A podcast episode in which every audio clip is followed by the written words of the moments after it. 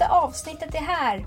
Varmt välkommen till Debutera eller dö, som den här gången blir något av en häxspecial. Boken jag har läst var väldigt häxig i alla fall och jag fick feeling och gick igång på häxig musik. Jag åkte till Bazar förlag på Surbrunnsgatan i Stockholm där jag träffade debutanten Ulrika Rolfsdotter som skrivit Rovhjärta som utspelar sig i den ångermanländska landsbygden där det är doft av smältvatten, ångande myrar och mycket känningar av de här häxprocesserna från 1600-talet. Som den lilla snok jag är fick jag också tag på Ulrikas förläggare Karin Linge Nord så det blev ett fint samtal med både Ulrika och Karin på förlaget. Vi drar igång. Det är jag som är Nina De är och jag tänker debutera.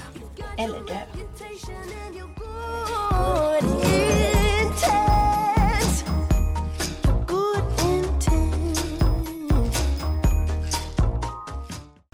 Ja, men nu är vi här på Basar förlag. Debutera eller dö, gör studiebesök. Ja, men vad kul att träffa er båda. Detsamma. Nu är vi här för att du Ulrika debuterar Ja, med din spänningsroman Rovhjärta. precis. Grattis! Tack så mycket. Så nu är det precis innan här. Lanseringsmöte. Signeringar, pirr. Ja, Förväntan.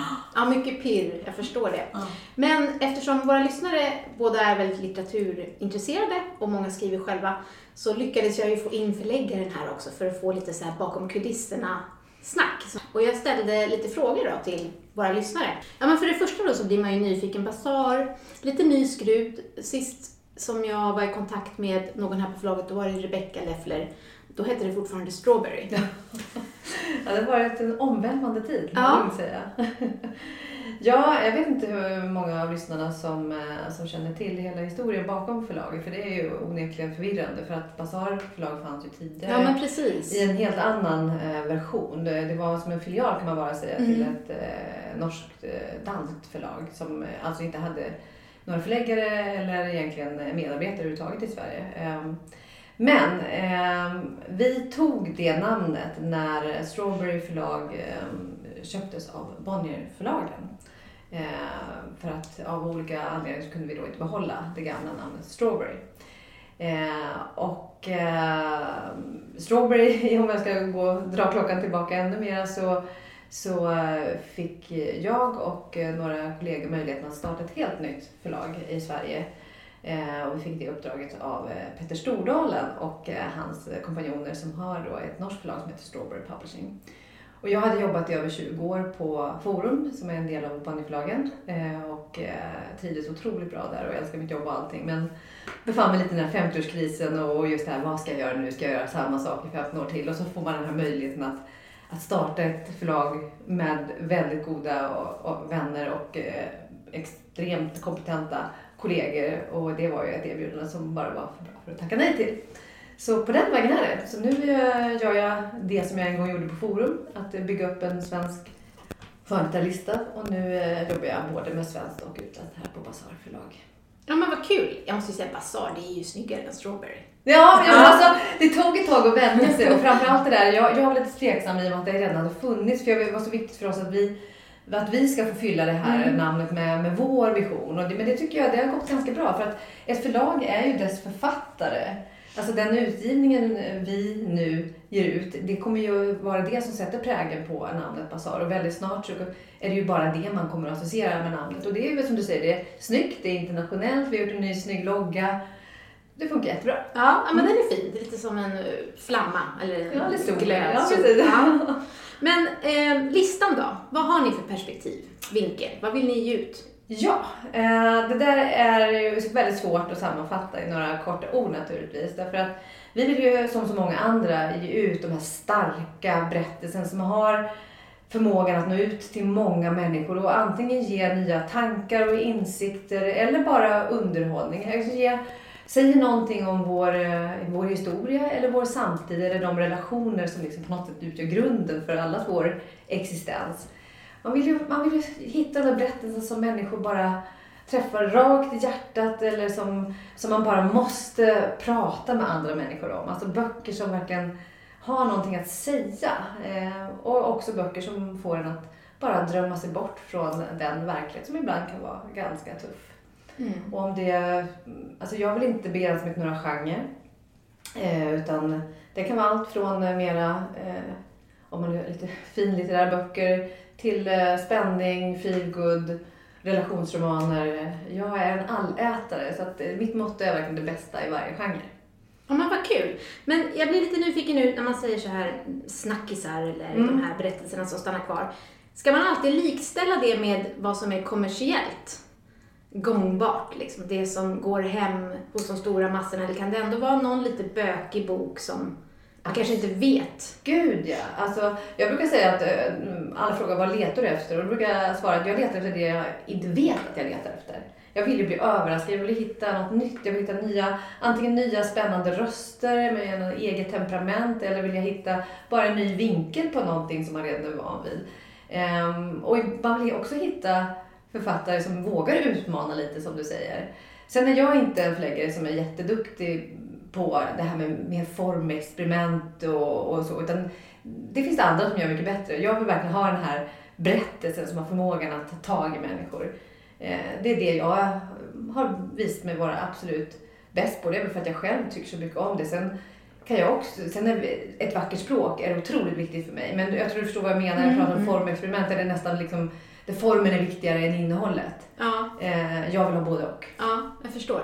Och det här med genre då, det är någonting som eh, många som skriver eh, är väldigt nyfikna på. För om man letar efter någonting som är unikt och som man inte har sett förut, hur snävt är det då att det ändå måste finnas, gå att placera i en genre? Eller kan man få komma med något som är lite eh, korsar eller går Ja. över och att man då finner en ny... Det där är Plats en jättebra fråga.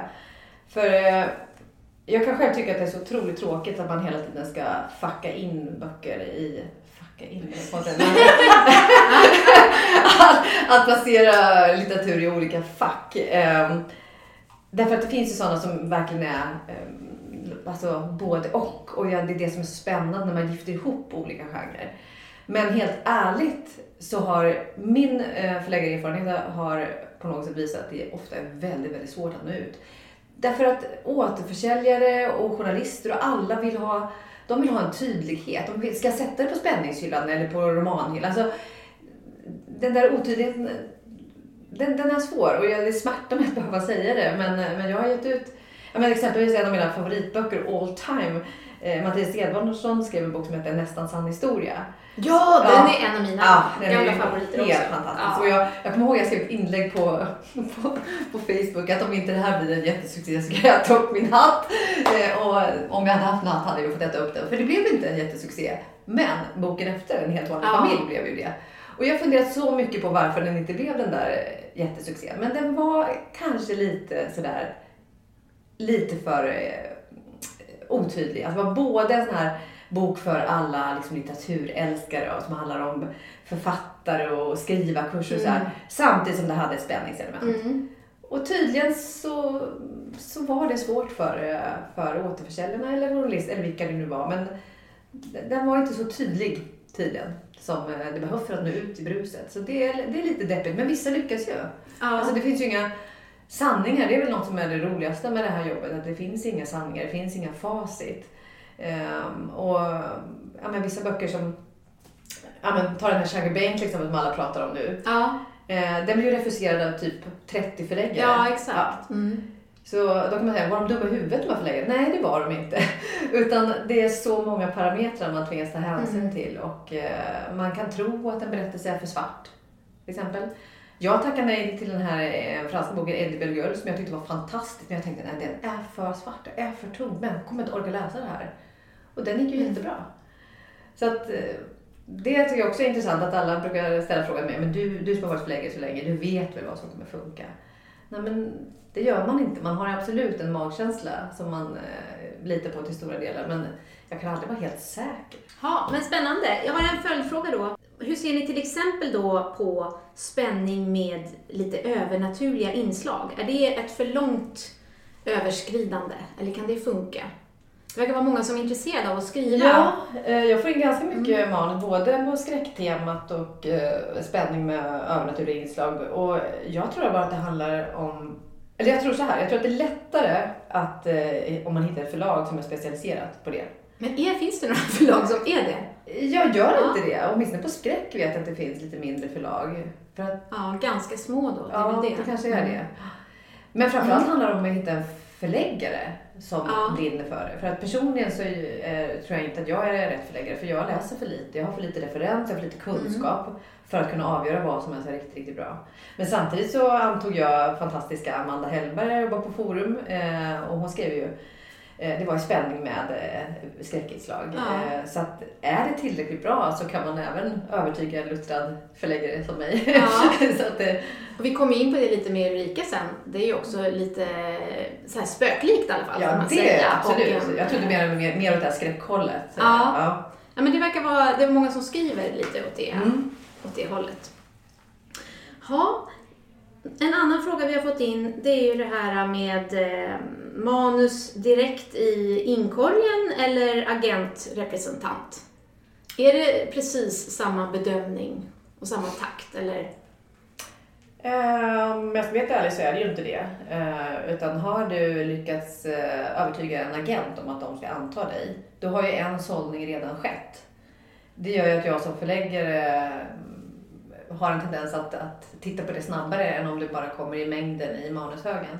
Så är det. Mm. Och det är intressant också att i andra länder som USA exempelvis så får man inte ens skicka in spontanmanus. eh, Utan det måste, man måste först hitta en agent. Eh, Det är bara så man, man antar manus eh, i USA. Det är väldigt Mm. spännande.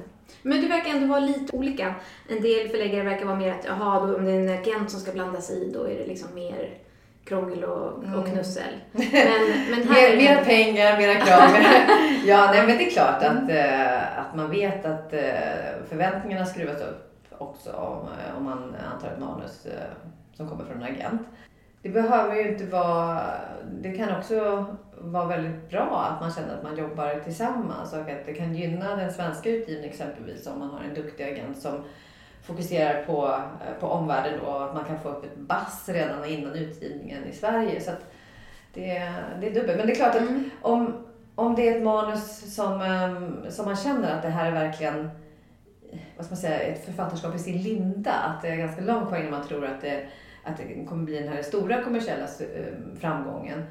Då eh, kan jag tycka att det är mycket bättre som, som förläggare att inte ha några agenter inblandade utan man får jobba långsiktigt, lugn och ro och i nära samarbete med författaren utan att, att det just blir de där ah, överdrivna kraven på omedelbar framgång som ibland agenter kan ha. Medan vi förläggare är ju mera, vi tror ju mer på långsiktighet. Och, alltså, det, det gör ju naturligtvis en agent också. Men jag tror du förstår vad jag menar. Att man Mm, ser det mm. som att eh, vi, vi måste tillsammans eh, jobba fram ja, det här författarskapet. Ja, men precis. Och det är ju någonting jag har fått erfara både på gott och ont, det här med eh, omskrivningar och omarbetningar. Att det är ju sällan kanske ett manus bara kommer rätt in och sen så är det grönt ljus och så, så kör vi. Utan det kanske är man behöver flytta en vändpunkt eller fem vändpunkter eller behöver skriva om jättestora delar. Hur ser du på det, det där med att be en författare att ändra? Hur mycket kan man be en författare att göra utan att man då ens pratar om ett kontrakt? Eller är det ändå att ni tänker er att det kommer kanske förhoppningsvis leda till en bok när man ger sådana förslag? Ja, eh, jag brukar, för det första brukar inte jag återkoppla med eh, lång grundlig feedback om inte jag tror att när författaren har någon möjlighet att en gång i tiden bli aktuell för utgivning på, på det förlaget jag är på just nu. Eh, därför jag tycker att man sänder fel signaler då. Eh, att man liksom uppmanar till omarbetningar som, ehm, som, som då kanske inte kommer leda någonstans. Och sen brukar jag alltid vara väldigt tydlig med när jag väl gör det. Att, eh, att, alltså, att jag kontaktar en författare och säger att jag ser någonting här, det är inte färdigt för utgivning. Men, men jag ser ett frö som eh, jag undrar om du tillsammans med mig skulle vara villig att, eh, att utveckla. Eh, då är jag väldigt tydlig med att säga för det första huruvida jag kan lova någonting eller inte och för det andra att eh, verkligen trycka på att det här måste du, för det första måste du dela min vision eh, och du måste själv tro på att manuset blir bättre om du gör det. Du ska inte göra det för att tillfredsställa mig utan du måste ha lyssnat på det jag säger och eh, köpt eh, de argument jag har för en eventuell omarbetning. Och då ska du göra det för din skull. För att även om det nu inte, även om inte vi når i mål så kanske den här omarbetningen ändå gör att något annat förlag i slutändan antar det. Så att, men det kräver ju då att författaren själv tror på det. Det är det som är så otroligt viktigt. För jag har hört så här skräckhistorier om andra eh, alltså författare som, hade, som skrivit om tre, fyra, fem gånger och sen bara till slut ett nej. Mm. Det har jag gjort. Ja, det har gjort det. Ja, men alltså det, det är ju tufft. Mm. Och framförallt då om man, jag har hört vissa sagt, ja, en, ett förlag sa att jag skulle gå åt det här hållet och så sa det andra förlaget att jag skulle gå åt det hållet. Och till slut visste jag inte själv vad min vision var. Man försöker göra all, vara alla till lags. Och det är så viktigt att inte förlora den där inre kompassen för vad det är man själv vill. Och det kräver ju en slags självsäkerhet men också en öppenhet att lyssna på erfarna människor. Som, som ju har en otrolig vana att bedöma manus och läsa mycket och, och, och kunna ta in det men ändå behålla kärnan i sin egen berättelse. Ja, men intressant. Hur oftast brukar det här då leda till att det blir en bok? Kan du se, liksom, är det ändå en väldigt liten procent av de här som ni har kontakt med som sen lyckas på något sätt om, eh, omvandla feedbacken till Ja, men I och med att jag är så pass restriktiv med att Ja. ge mig in i den typen av, eh, av kommunikation så är det ganska ofta det faktiskt blir någonting. För att jag måste tycka att det är så pass bra, som jag sa, att jag ser att det finns en möjlighet Ja. att det ska kunna bli någonting för att jag ska inleda den kommunikationen. Och, ja, men det är nog ganska ofta det faktiskt blir någonting då. Ja men vad kul, vad härligt att Ja. höra.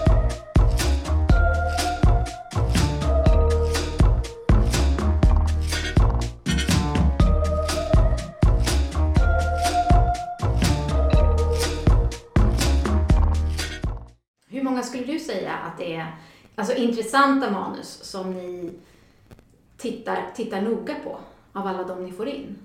Ja, eh, jag skulle säga att eh, det beror lite på var, var man befinner sig. För nu till exempel är jag på ett relativt nystartat förlag. Eh, som jag inte tror tillhör författarens första val. Därför att man kanske inte ens vet, att, eh, vet om Bazaar och att, de har en, eh, att, vi, att vi verkligen ska fokusera på svensk skönlitteratur och så vidare. Eh, jag tror att många som, som drömmer om att bli författare, där har man några givna val. Och det är Albert Bonniers och Norstedt och så vidare. Eh, Så det är inte säkert att, att än så länge så får inte vi lika mycket manus av riktigt hög kvalitet som eh, de större förlagen Mm. får. Och det var någonting jag märkte när jag jobbade på Forum också. Som jag sa så Forum gav inte ut eh, svensk skönlitteratur när jag började. Eh, och eh, då tar det ett tag innan, innan man blir ett förstahandsval för eh, författare. Eh, så när jag slutade på Forum då efter att ha jobbat där, gud vad blev det då? Jag tror över 20 år eller någonting. Det var en helt annan klass på de manus vi fick på slutet än, än, än de vi fick i början. Ehm, så att eh, det kommer det väl ta ett tag innan man, innan man får liksom manus av alla olika typer. Men jag får ju fantastiska manus här också. Exempelvis Ulrika som faktiskt kom i spontanmanushögen först. ju. Sen fick ju du eh, representation precis efter.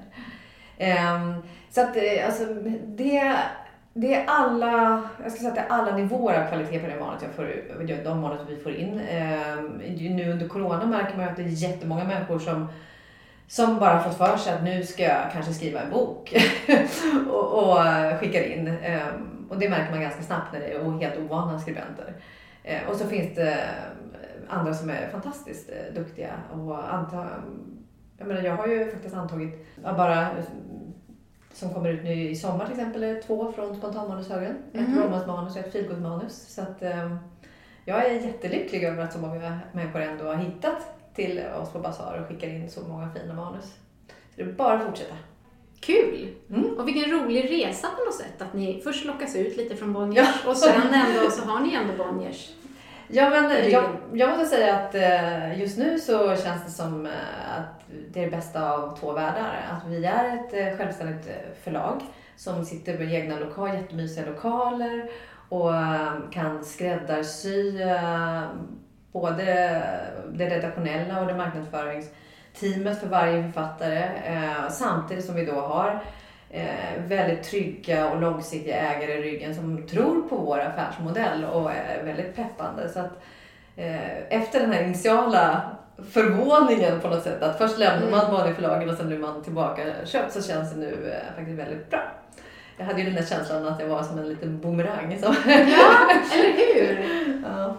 Ja, men slutligen då, jag ska släppa iväg dig här snart. Vad har du för råd till, till folk som skriver, som hoppas få ut en bok en dag? Eh, ja, det, det beror ju på om, om du menar under skrivprocessen eller sen när man ska skicka in manuset. Ja, de går väl ihop kanske. Men vi kan, vi kan gå in på det då, när man känner att man är redo att skicka in. Ja, ja. ja. Jag eh, tycker framför allt att det är otroligt viktigt att vänta med att skicka in manuset tills man känner själv att jag har gjort precis allt jag kan för att höja det här manuset så mycket jag kan. Alltså till dess till den, den, potential, den potential jag kan nå. Mm. Inte det här att och äntligen är färdig, iväg med manuset. Mm. Utan ta, ta tid, eh, låt manuset ligga ett tag. Läs igenom det väldigt, väldigt noga och var sträng mot dig själv. Och jobba väldigt mycket med, med de första ja, 30 sidorna eller någonting. För eh, verkligheten är ju sån att eh, vi får in mängder, mängder av manus och vi sitter och har manusmöten eh, en gång i veckan eller varannan vecka, lite olika. Och om man inte lyckas fånga läsaren på de där första 30 sidorna så är ju risken att man kanske inte fortsätter. Eh, så krass ser det ju ut. Många frågar sig, läser ni inte hela manus? Eh, ja, vi får, in, vi får in mängder av manus. Man hinner inte läsa varje manus från början till slut. Eh, men, eh, och jag märker också att eh, många manus faktiskt blir bättre. Konstigt nog. Det är som att författaren skriver sig in i sitt eget manus. Och det tror jag beror på att man faktiskt inte då har eh, tagit sig tiden att gå tillbaka och redigera inledningen. Och det är jätte, jätte, jätteviktigt. Um, och sen är det att verkligen eh, fokusera på vad det är för berättelse man har skrivit. Jag brukar säga att om du inte ens själv kan berätta för din bästa kompis vad är det för bok du har skrivit på tre meningar. Då har du ett problem. För längre, längre tid har du inte på dig om du ska lyckas övertyga en, ja, en förläggare eller om förläggaren sen ska lyckas övertyga en återförsäljare om att köpa in boken. Så den här berömda hisspitchen är inte helt fel att eh, slipa på. Med några korta meningar kunna fånga essensen i den bok du har skrivit. Och det är också viktigt att få in i följebrevet som eh, absolut inte behöver vara långt på något sätt och inte handla om alla fritidsintressen och hur mycket man har drömt om att bli författare sedan man var fem år och hur mycket man satt på biblioteket. Det är inte det, utan bara lite mm. kort om dig själv. Vad det är för bok du har skrivit, vem du ser som målgrupp och vad du vill med den här boken. Det är det man som förläggare vill veta, mm. skulle jag säga. Ja, vad härligt. Jag har en sista fråga. Och det är ju det här med om en debutant kan förvänta sig ett rimligt avtal. Om man skulle få ett erbjudande om förlagsavtal från Basar. Eh, kan man förvänta sig då att det blir bra? Att ja, författaren... det är klart. Mm. Alltså, vi har ju avtal som är eh, utformade i samarbete med Författarförbundet. Mm. Så eh, vi har verkligen helt rimliga villkor. Och sen är det ju naturligtvis en förhandlingsfråga. varje kontrakt är ju, alltså man, man, det finns ramavtal men mm. sen handlar det ju när det gäller förskott och sånt så beror det ju på vad, vad förlaget tror på när det gäller potential. Det, det finns ju inga standardförskott. Men som debutant är det klart att man får eh, förvänta sig ett ganska lågt förskott i de allra flesta fall om man inte har skrivit en väldigt eh, kommersiell, liksom, bred roman där det finns, eh, där man verkligen tror på en snabb framgång. Ja, det låter ju som att det verkar toppen här. det tycker vi. På Basar. Ja, men tack snälla Karin tack. för att du var med och berättade lite. Ja.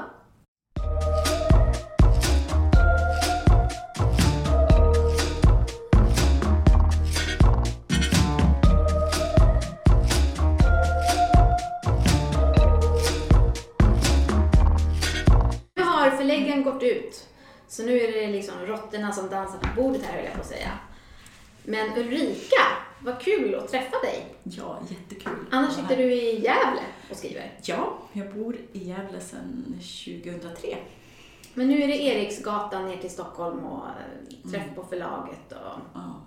hela den här eh, eh, resan med din debut. Jag vill liksom backa bandet till allra första steget. Du sa att du har skrivit i tio år ja. på den här.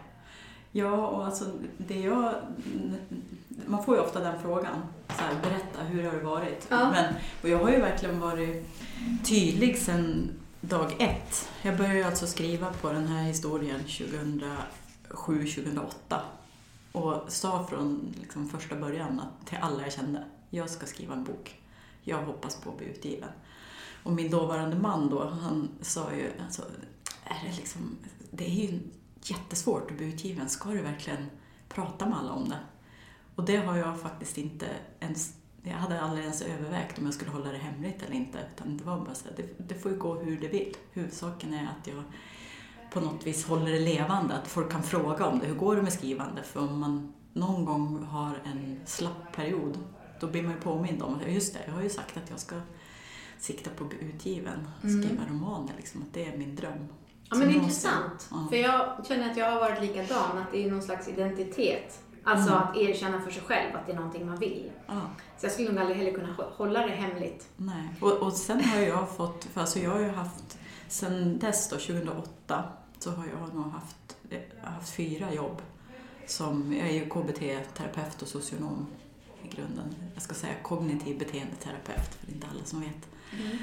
Och alla kollegor på alla jobb har ju fått dras med det här, mitt ältande och ja, men dröm, alltså prata drömmar och skrivande och bolla idéer. Och, och alla har ju sagt dels det där då att ja, det är ju omöjligt, men vad kul att du har en hobby. Men också, vad härligt att få följa med på den här resan och höra, liksom följa med, höra om dina karaktärer och dina mordplottar. Och, för de som, de, många som drömmer om att skriva också, men de gör det ju inte. Eller så läser de väldigt mycket och så är de i den världen på sin fritid. Mm. Så att det, det, känns extra kul för de har ju verkligen nu festat, liksom firat med mig att det gick vägen. Mm. Så det, det var det bästa jag kunde göra, att prata om det vitt och brett. Ja, vad härligt. Mm. Eh, ibland kan jag undra nu, skulle jag få ångra liksom, jag har gått och babblat om det här i alla år och så bara tio år senare när det inte ens såg ut som det skulle bli något, ja.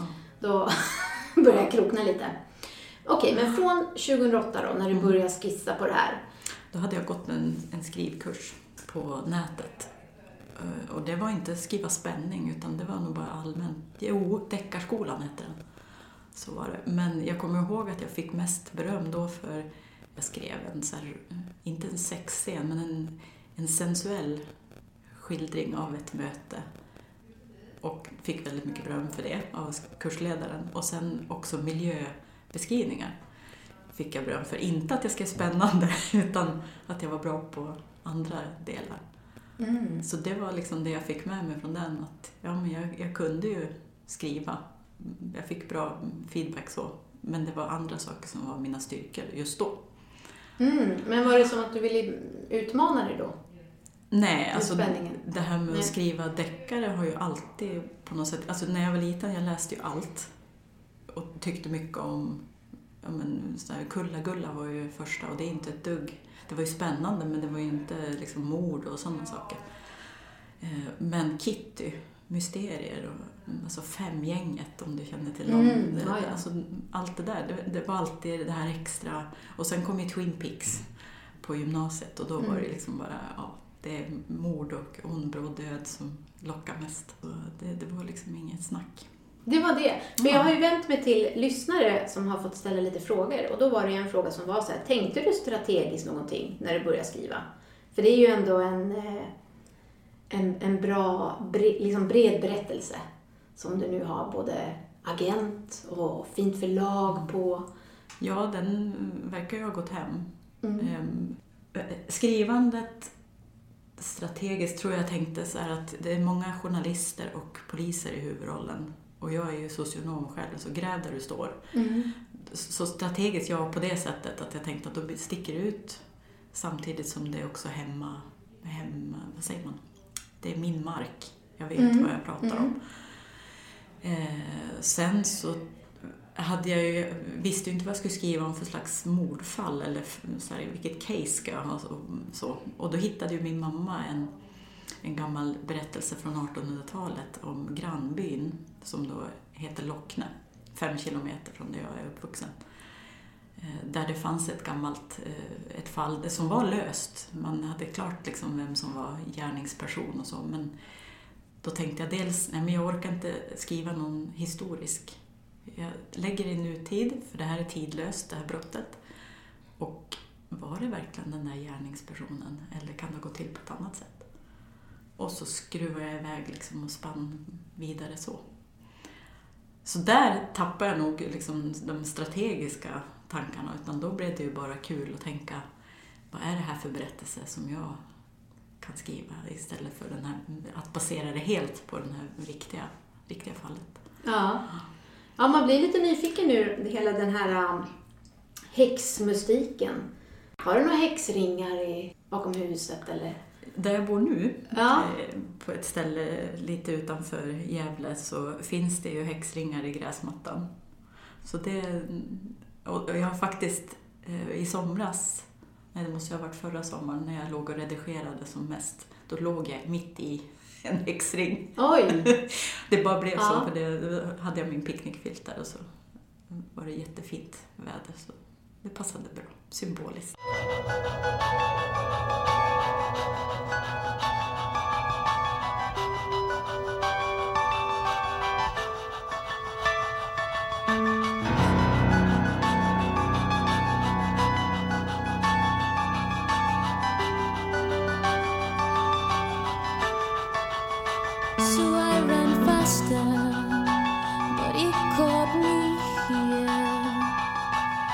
Yes, my loyalty's turned like my anchor in seventh grade, running after Billy, running after the rain.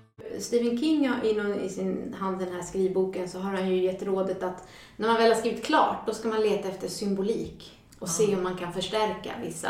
Just det. Men man kan säga att du började med häx, häxtemat var med från början. Det, det börjar ju med att jag ville hitta ett lokalt förankrat fall och basera det på. Just för att jag vill skriva om hembygden och att den är så vacker. Det kändes som... Jag ville verkligen borra ner mig i den och att det skulle finnas en, en hemkoppling. Så.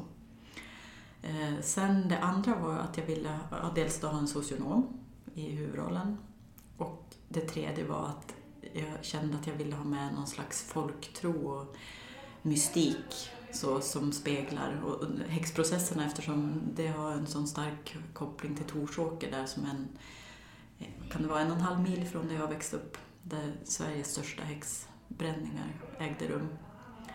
Ehm, så tyckte jag att det, det passade, men det var, fanns också med skogsrået och allt som har med, eh, på tal om titeln, rov, röverier att göra. Rövarna i Skuleskogen. och Så, där. så det, det fanns många saker att basera det på. Sen så landade det i det här häxtemat. I, mycket tror jag på slutet när vi i samtal med agenturen och med förlaget om vad som också känns mest lockande när de läste det. Att de ville veta mer om det. Och då blev det naturligt att välja liksom den inriktningen där. Men i de andra delarna så kommer det vara en annan typ av folktro. Mhm. Ja, för det, är, det blir alltså en serie om socionomen Annie. Ja, precis. Så det är baserat liksom på henne, det är henne man får följa och så bifigurerna kommer att variera. Och sen vill jag också ha ett lokalt mordfall eller ett lokalt brott, någon, någon slags case från Ådalen. Och sen den här folktro-aspekten på det också så att det blir tre ben i det. Jag är ju jätteförtjust i Johan Theorin, om du har läst hans Ja, ja, från. Öland. Och just de ehm, faktorerna tyckte jag om. Ja, så han är en inspiration. Vad har du mer för inspirationer då? Förutom Kulla-Gulla och... Precis, ja, alltså litterärt så finns det ju många som skriver fantastiskt men just om man tänker spänning fast ändå på det det här stillsamma sätt som, Mm. som jag också gärna vill bli sammankopplad med så är det ju Åsa Larsson som är min nummer ett. Mm. Eh, Just hennes sätt att beskriva så att man känner att man sitter i de där eh, husen, och köken Mm. och eh, skogarna eller fjäll. Liksom att man verkligen läser in naturen och miljöerna. Ja. Men sen nu den senaste är ju Stina Jackson. Har också den där samma känsla som jag hoppas någon gång att läsare ska tycka om mina också.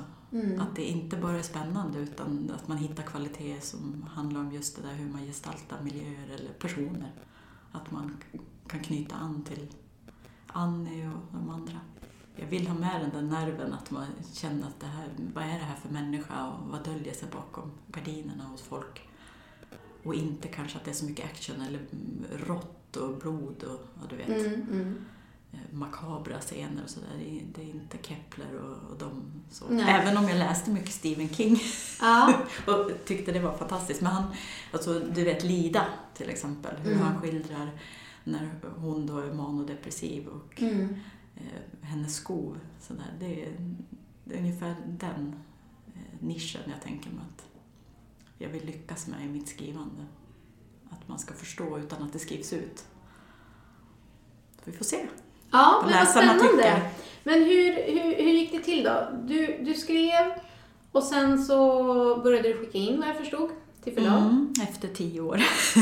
Var, var det tio år? Du Ja. skickade inte in innan Nej. någonting? Nej, Mm. jag var på väg en gång. Jag stod till och med utanför Piratförlaget, minns jag.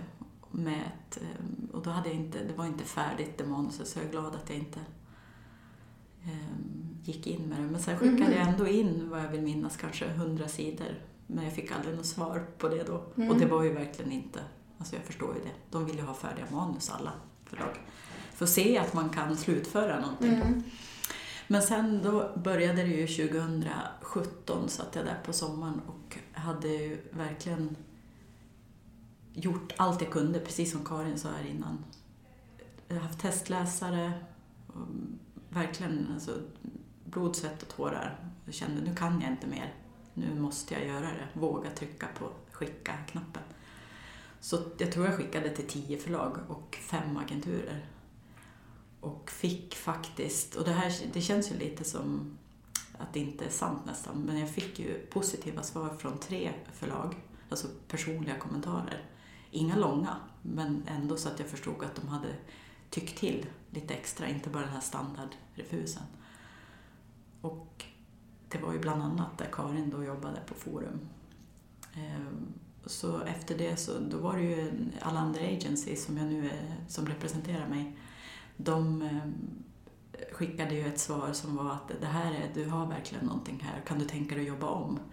Och om vi får ge synpunkter då på, på hur du ska jobba om det och sen prova att skicka in till oss igen. Och det var verkligen inga garantier, det här är bara om du vill och kanske möjligen eventuellt. Mm. Så jag eh, anlitade en lektör, Jenny Bäving, och fick svidande synpunkter. Men som tur var så var det ganska likt det som eh, agenturen också hade tyckt. Så det, det var inte så mycket att orda om utan det var bara att, att tugga i sig det och, och skriva om igen. När man är så fruktansvärt less, som du vet, på alla omskrivningar. Mm. Mm. Eh, och så skickade jag in till agenturen igen och då sa de att du har gjort det jättebra. Det här är fantastiskt bra jobbat, så, men de är en liten agentur och det är svårt att få representation innan man har ett förlag i, i ryggen. Så de sa att nu skicka in till förlag igen nu för nu är det så pass mycket bättre så att det, lycka till. Om vi bara pausar där då, för nu är man ju Mm. så nyfiken på det här med hur man förbättrar ett manus. Mm. Vad var de stora grejerna som du fick jobba med och ändra som inte höll måttet då innan? Framförallt att jag hade skrivit att det var en spänningsroman. Men att det inte var särskilt spännande på mitten. Det, det var lite för mycket fluff om... Eh, det finns en karaktär som heter Sven Bergsten Mm. som, eh, vars dotter då försvinner i början. här. Det är Ingen spoiler, utan det händer ju ganska direkt. Och då, jag ville ju skildra deras s- sökandet, alltså letande, våndan, ångesten, hur byn liksom reagerar och så. Men det blev för sega partier, så att mittendelen var för tung eh, på det viset, så det, innan det kom till vändpunkter och sånt där. Eh, Så det, om man säger det jag har jobbat om mest är ju på mitten, att speeda upp det och korta den. Så jag tror jag har skurit bort 80 sidor. Mm. Och nu är den på 415 sidor tror jag. Alltså i Ja, tryck. 413 eller Ja. ja. någonstans Mm. där. Eh, Så det, och i tryckt form, den var ju inte så eh, omfattande när man har sina egna Word-dokument. Mm. Så, så det var svårt att avgöra hur mycket är det och räkna ord och sådär. Ja. Eh, Men det som har skurits bort kan man ju säga var helt rätt. Men jag vet ju också vad det är som, vilket slags skrivande det låg i de delar som nu är borttagna. men det, det framkommer ändå, säger de som har läst, att man förstår. Det var Mm. liksom bara lite overkill. Okej. Att jag ja, beskrev på flera olika sätt och Mm. flera dagar. Istället för att eh, det räcker med att skildra det till en viss gräns så, så fattar man som läsare. Okej, men så the murky middle som man kan säga eh, fick du klippa i. Men det var inga andra grejer då? Alltså, min eh, poddkompis Johanna sa för länge sedan att hon trodde att alla som håller på med sådana här whodunit och pusseldeckare, att det är liksom som att lösa ett enormt korsord. Hade du alla de här delarna, alltså som man ska lägga ut liksom villospår och alla dessa Mm. karaktärer. Hade du allt det Mm. själv? Ja, relativt färdigt tror jag. Det kanske är någon som har något att säga till om här, min agent kanske. Eh, jo, men det jag fick synpunkter på var ju också att ja, men, förstärk den här typen. Att liksom misstänkliggöra den personen ännu mer. Eller tona ner det där lite. Så mer skruva upp, skruva ner. Mm, Eh, Men sen ska jag säga också att jag började ju med att skriva slutet först. Av Ah. alla, alla liksom kapitel jag skrev på Rovhjärta, som ju inte ens hette Rovhjärta från början, så är det ju det som, eh, som jag visste från början och som jag hela tiden har strävat mot. Men sen vägarna dit så, ja, det, det dök ju upp, det är så klyschigt, men det dök ju upp figurer eftersom jag har haft tio år på mig att tänka på det. Så Mm. som jag ju har då tonat upp och tonat ner efter synpunkter från andra. Så den är sig lik. Och sen då när den blev antagen, det var där vi, vi pausade innan. Du Precis, skickade in den. Precis då Mm. skickade jag in den till agenturen igen och de tyckte nej, nästan men inte Mm. riktigt så. Och då skickade jag bara till de förlag som jag hade fått positiv feedback från i första vändan. Och mot liksom alla odds, eller till min förvåning, så var det ju först ett förlag som hörde av sig och som då hade fått mitt manus förra vändan och hade läst båda versionerna och sett att jag hade gjort en jättestor kraftansträngning och förbättrat och att det skulle gå vidare till en extern lektör. Och då tänkte jag, det här är ju liksom, nu är jag ju på tröskeln. Nu, det är nu det händer. Och sen fick jag svar efter en vecka att de hade haft en ny diskussion och att tyvärr så eh, trodde de att eh, de hade för många liknande eh, manus just då. Och då kom inte min med i deras. Men då hade jag skrivit till, för Karin här på Bazaar, eller Strawberry då, då hade ju fått mitt manus och ett annat förlag. Så då skrev jag att nu har jag ett som är intresserade och, och ska ha ett manusmöte, så hur ligger ni till? Och det där är också intressant för många säger att man ska inte tjata och ligga på sådär men att visa att det finns fler, alla vill vara först och hitta det där wow-manuset. Och när, då fick jag svar från Karin att hon hade inte hunnit titta på det men hon skulle göra det.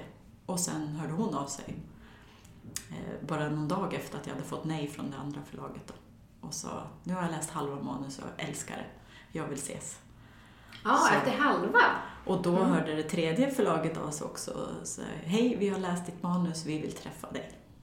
Så jag åker ner hit till Stockholm på två dejter samma dag, Mm. förlagsdejter. Och det var nyp i armen, Mm. kan jag säga. Ja, och Helt- då vad jag förstår blev det budgivning. Ja, för då ville ju båda, efter att vi hade träffats, och de beskrev ju så här, vi tänker oss det här med ditt manus, så är du villig och, och alltså, har vi samma eh, visioner. Så där. Eh, och sen hörde de av sig och ville ge ett förslag på avtal. Och då ringde jag upp min, den här agenten jag hade haft kontakt med eh, på Alander Agency och sa att nu har jag två förlag som vill buda. Och då eh, fick jag lite tips från henne och sen lägger vi på och sen ringde hon upp och sa vi vill väldigt gärna representera dig. Så då tog ju de över och så blev ju de med i, i budgivningscirkusen där då. Och sen landade det hos Karin. Mm. Och the rest is history. Ja, men när var det? Var det typ ett år sedan? Eller? Det var alltså eh, september 2019. Och sen Mm. gick Mm. ju hela det här pandemiåret. Ja. Så den skulle ju ha kommit ut nu här i september i fjol. Ja, Okej. Så Mm. ett år ganska precis efter att de hade antagit det. Men Så det blev en lång, en lång väntan ändå. Ja. Mm. Men det är jättepassande för boken börjar ju under påskhelgen. Mm. Nu kommer den ju precis efter påskhelgen, 7 april. Så det, i tid så är det perfekt. Och nu ska det bli en serie om Ja, socionomen Annie. precis. Hon Mm. får hänga med. Fortsatta strapatser Mm. i Ådalen. Det börjar ju i Stockholm. Men Precis. serien kommer utspela sig alltså i Ångermanland. Ja. Ja. Ja, för hon, eh, det kan vi väl avslöja, att hon tvingas ju åka hem till sin hemby Mm. motvilligt för att hennes mamma är sjuk. Och sen händer ju lite grejer där. En släkting försvinner. Saga. Och så ska hon stanna eller åka tillbaka? Ja, men fly, precis. fly eller illa fäkta. Ja, men hemvända romaner, det var inte heller någonting som du planerade från början, det bara blev så? Eller? Ja, det där, alltså, och hemvända romaner är ju eh, mer regel än undantag. Mm. Det är ju lite i ropet. Ja, Mm. och har ju varit i många, många år. Så det är ju inget unikt alls. Så då är ju den där frågan alltid, vad kommer folk hem för? Alltså vad är orsaken till att man vänder hemåt? Och någonstans på vägen så, eh, när man ska skapa karaktärer så tänkte jag också, vad har hon själv varit med om? Vad är det som driver henne hem? Dels det här med hennes mammas sjukdom, men också vad har hon haft för egna trauman eller svåra upplevelser? Är det någonting, alltså flykttemat är ju det här hur vi hanterar hot. Det har jag ju med mig från mitt jobb, alltså ångestbehandling och eh, stresshantering och sådär. Men den här karaktären, Annie, eh, då funderade jag ju väldigt mycket. Alltså flyr hon hem ifrån någonting eller flyr hon bort? Det var en annan anledning till hennes hemvändarsituation först. Men Mm. den har vi skrivit om längs vägen, eller jag. Mm. Eh, Det var en eh, bekant till mig som hette Susanne Holm som sa eh, ja men hon har ju ett vanprydande R, den där personen. Som kom på det? Hon, Alltså. ja, hon bara slängde ur sig det Mm. en dag på jobbet och så, va? Det var ju intressant. Så, vad är det för Mm. R, tänkte jag. Och sen har det fått hänga med och, och som också blev den här bakomliggande historien som man inte får veta. Mm, Mer än ana. Ja. Det är ju roligt att du fick positiv feedback för att du skrev sensuellt. För Annie är ju ganska stram och har tryckt tillbaks Mm. allt det där Mm. fysiska. Mm. Men det kanske blir Ja. mer av den bara. Ja, det kanske blir det. I, Ja. i nästa Mm. uppföljaren. Ja. Mm. Nej, men det, det är ju också det där med mm, alltså, att mm, man ska bli nyfiken såklart. På vad, det var en bekant till mig som sa också det där att det, det tråkigaste som finns är perfekta människor som inte har R. Eller no, någonting som man kan ana. Um, och sen så vet jag inte om det var ni som pratade i podden om det eller om jag hörde det någon annanstans. Det här med att finns det den här perfekta lyckliga människan som bara skriver. Var det ni? Som pratade om det. Alltså, finns det någon som kan skriva saker utan att liksom, ha några egna sorger? Ja, Ja. Nej, men precis. Jag har ju någon tes om att man nog har någonting, något bagage Mm. som gör att man vill skriva. Ja. Men det vore kul att bli motvisad, jag vet inte. ja, för jag har funderat själv över vad jag... De säger ju att alla som är psykologer eller liknande har mest problem själva. Ja, ja. Men grejen är ju att jag har haft en ganska... Jag är förskonad. Alltså ett av temana i, i Rovhjärta är ju också det här med alltså, kvinnors utsatthet och häxjakt. Eh, Och där har jag varit väldigt förskonad tror jag, av någon anledning. Från just att bli eh, ska säga, antastad eller trakasserad eller så. Det har ju mest varit psykologiskt kanske, att man inte har fått att man inte har blivit bemött på samma sätt som en man skulle ha blivit kanske när man söker jobb eller sådär. Mm. Men, och lika ofta från kvinnor faktiskt ju, tyvärr. Vi, vi kan ju vara ganska finurliga på att ge varandra nålstick. Ja, ja, gud ja. Mm. Ehm, Men alltså trauman och sådär är jag ju förskonad från själv. Och lusten att skriva kommer ju från att jag har läst och blivit, alltså man brukar säga om man är tävlingsmänniska eller inte. Jag har alltid tävlat med mig själv i skrivande. Och kanske i skolan också mot andra när vi skrev uppsatser och du vet så att man ville skriva den bästa historien. Mm, mm. Så det är nog mer den här tävlingsinstinkten som har gjort att jag har fortsatt skriva tror jag. Och bara en så här benhård tro på att det ska fan gå. Ja, ja, jag förstår vad du menar. Sen när jag säger så här bagage, eh, jag tror ju att det såklart handlar väldigt mycket om att in, förmåga till inlevelse. Att man inte behöver eh, ha varit med om någonting för att kunna skriva om det. Det vore ju... Då skulle det bli väldigt snävt vad man kunde, Skriva om. kunde skriva om. Där har jag, eh, inte för att jag skriver, jag skriver ju inte om någon, det är ingen som ska känna igen sig, men jag har ju tusentals historier om livsöden från mitt dagjobb, om man säger. Eh, Alla, ja, framförallt kvinnoberättelser man har fått lyssna till. Eh, Så jag har försökt hämta inspirationen från andras eh, fantastiska och, och tragiska eh, livsöden, men det är ingen som ska känna att hon skriver om mig. Ironiskt nog tror jag att alla kommer att tänka att det är mig. För att har man hört en historia så har man hört allas på ett sätt. För vi har varit med om liknande saker, även om det är en personlig touch på allting. Så är vi ju mer lika. Jag kommer ihåg jag sa ofta, tänk om ni kunde få veta, man har ju sekretess, men om alla Mm. skulle få veta och träffas Mm. vilka fina möten det skulle kunna bli och vad man skulle kunna hjälpas åt med det svåra. Oavsett om det är trauman eller ångest eller bara vanlig stress. Så det har funnits väldigt mycket inspiration som jag medvetet har velat ha med för att göra liksom, de här utsatta rösterna hörda. Just att skildra socionomyrket. Även om Annie Ljung är väldigt atypisk socionom. Mm, hon har lite Hon tabletter och... Mm. Ja, men hon kämpar ju mycket med sitt eget. Så att, Mm. och, och sen är hon ju väldigt eh, envis och liksom går sin egen väg. Vilket ju kan krocka med vad man får göra som socionom. Hon, hon tar sina friheter, kan Mm. man ju säga. Vilket hon kommer fortsätta göra, kan jag lova. Ja. Ja, vad härligt. Men du, du skriver nu på uppföljaren. Mm. Mm. Precis. Och jag har avtal på en till och sen får vi se om, om det här går hem hos svenska folket och utomlands. Så Mm. finns det väl chans att få, få skriva fler för jag har i vart fall fem stycken färdigskrivna i huvudet. I huvudet? Ja, det finns gott om mordhistorier och annat göttigt från Ådalen. Så. Ja, det verkar ju, det verkar ju härligt. ja. ja, men man, Ja. man blir ju... mm, Alltså ju mer man börjar titta på vad det finns att gräva fram för någonting och sen att man blir ju själv ganska förtjust i de här personerna och allt härligt man kan skriva om just Ådalen och folk som bor där. Och, Mm. Ehm, Och det är bara att hoppas att det går hem, som sagt, i stugorna också.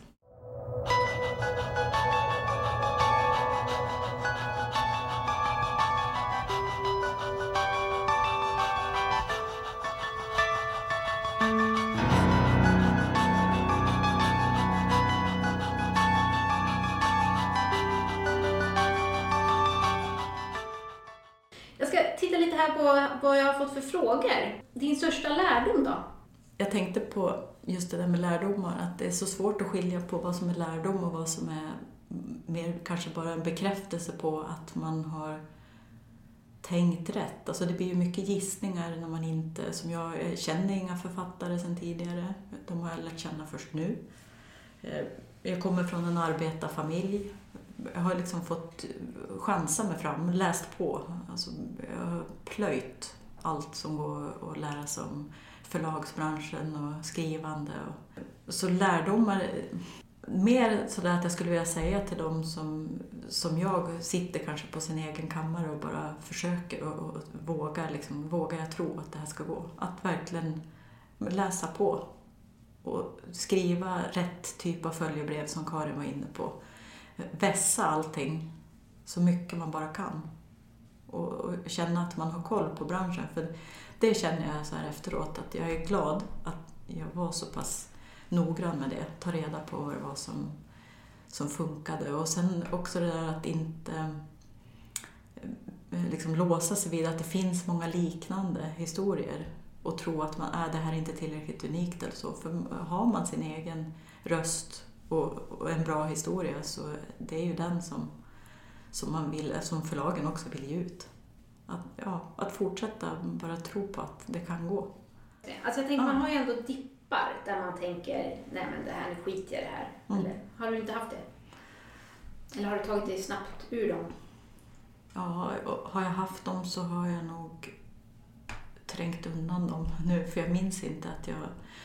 Alltså det, nej, snarare att jag, jag, jag kan ha blivit sur på dem som har sagt att det är ju faktiskt omöjligt, eller vad trevligt Mm. att du har en hobby, det här lite klapp på huvudet Mm. inställningen, eller att ja, ja, men lycka till. Liksom. Jag har ju mer tänkt så här, ja, jag ska banne mig visa dem. Så nej, väldigt få svackor men eh, långa pauser också där jag låter det vila och så läst istället och, och gjort annat. Livet har kommit emellan och att man inte haft bråttom. Så nu är jag ju, jag ska fylla 44. Det är liksom, men det är nu det händer. Mm. Så hur har du flyttat fram målen nu då? Nu är det film. Film? ja. Mm. Eh, ja, men och sen såklart ska det bli jätteintressant nu alltså, eh, se vad min agent eh, hittar på. Om, om den går hem i Tyskland och Danmark och alla andra länder som kan tänkas gilla den här typen av berättelser. Så ja, internationellt blir ju en, ytterligare en kul grej. På något sätt så är det liksom, jag har ju redan jag har ju vunnit högsta vinsten. Det Mm. gick. Så debutera eller dö, du vet. Ja, ja, ja. Jo, men det, det känner vi till. Ja. Men ska vi ta någonting mer då om att skriva spännande? Det fattar jag Mm. noll av. Ja, du är en annan genre. Precis. Ehm, Ja, det är intressant. För vad är spännande för det första? Det kan ju Mm. vara så himla olika. Jag kommer ihåg när jag läste Johan Theorins andra bok, Nattfåk, att den är ju inte någon rafflande deckare på något sätt, men jag tyckte den var så fruktansvärt... Alltså de- den grep tag direkt och sen bara for jag med och den tog slut alldeles för fort. Och då minns jag att jag tänkte, vad är det som gör att den här fångar mig så brutalt direkt? Och sen bara försöka liksom hitta de där små ingredienserna till det och försöka efterapa det på något vis. Om det nu är den stil man vill ha. Så jag har ju fått eh, jobba med just det där med spänning just för att jag har skildrat saker kanske lite för ofta och lite för länge. Att jag har liksom djupdykt i, i min eh, vilja att skildra det här psykologiska och de bitarna.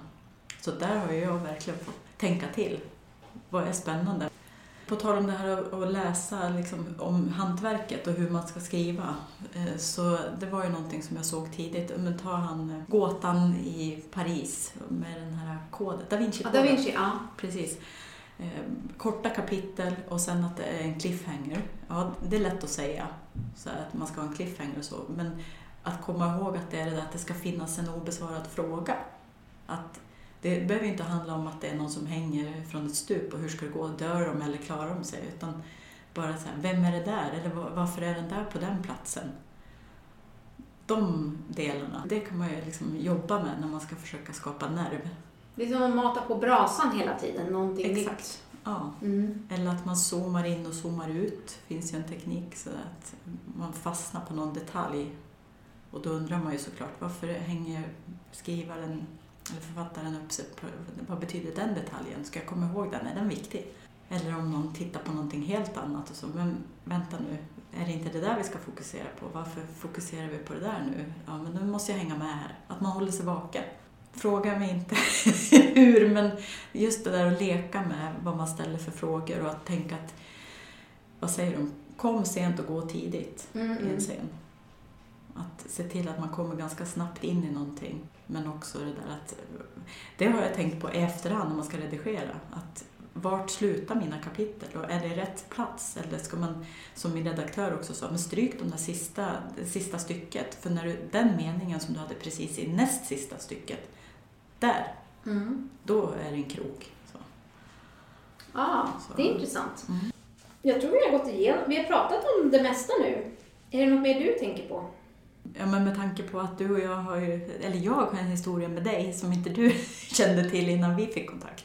Att jag har lyssnat på så många poddar, men de jag minns är ju framförallt eran och eh, Ninni Schulman och Caroline Eriksson. Mm, Han hade ju mm. en eh, skriven bestseller eller en annan bok. Ja, den var jättebra. Mm. Och en annan så här, parentes är ju att du och Ninni Schulman har ganska lik röst tycker jag. Och att det är så Aha. himla härligt att lyssna på och att det var så otroligt peppande längs vägen. Så på tal om det där hur man i sin ensamhet som eh, odebuterad drömmare kan få så mycket stöd av att inspireras av er som ger en röst åt oss som sitter där på vår kammare. Det, Ja, men vad det, kul. det är någonting som jag verkligen vill slå ett slag för till de som lyssnar. Att lyssna på allt ni kan komma över. Speciellt debutera dö. Och också det där med att läsa. Alltså, det finns ju så många som bloggar om sitt skrivande Mm. och att man ska hitta någon som man kan knyta an till ju, så man inte är så ensam. Och så våga tro att det kan fan gå. Trägen vinner.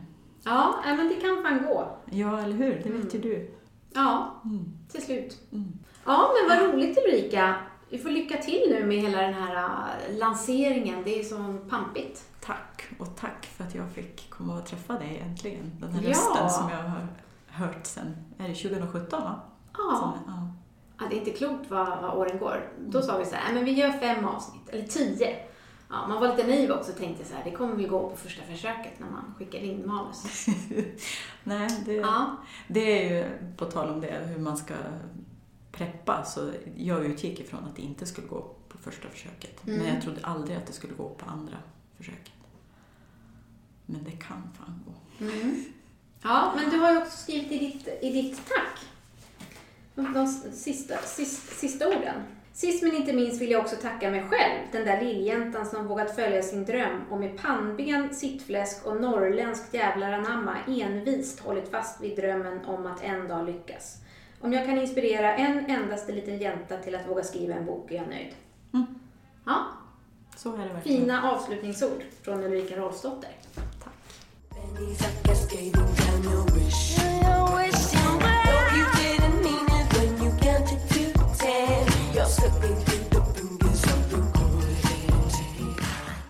I nästa avsnitt hörs Elin Kullhed som är aktuell med den fantastiska romanen Eufori som handlar om Sylvia Plaths liv.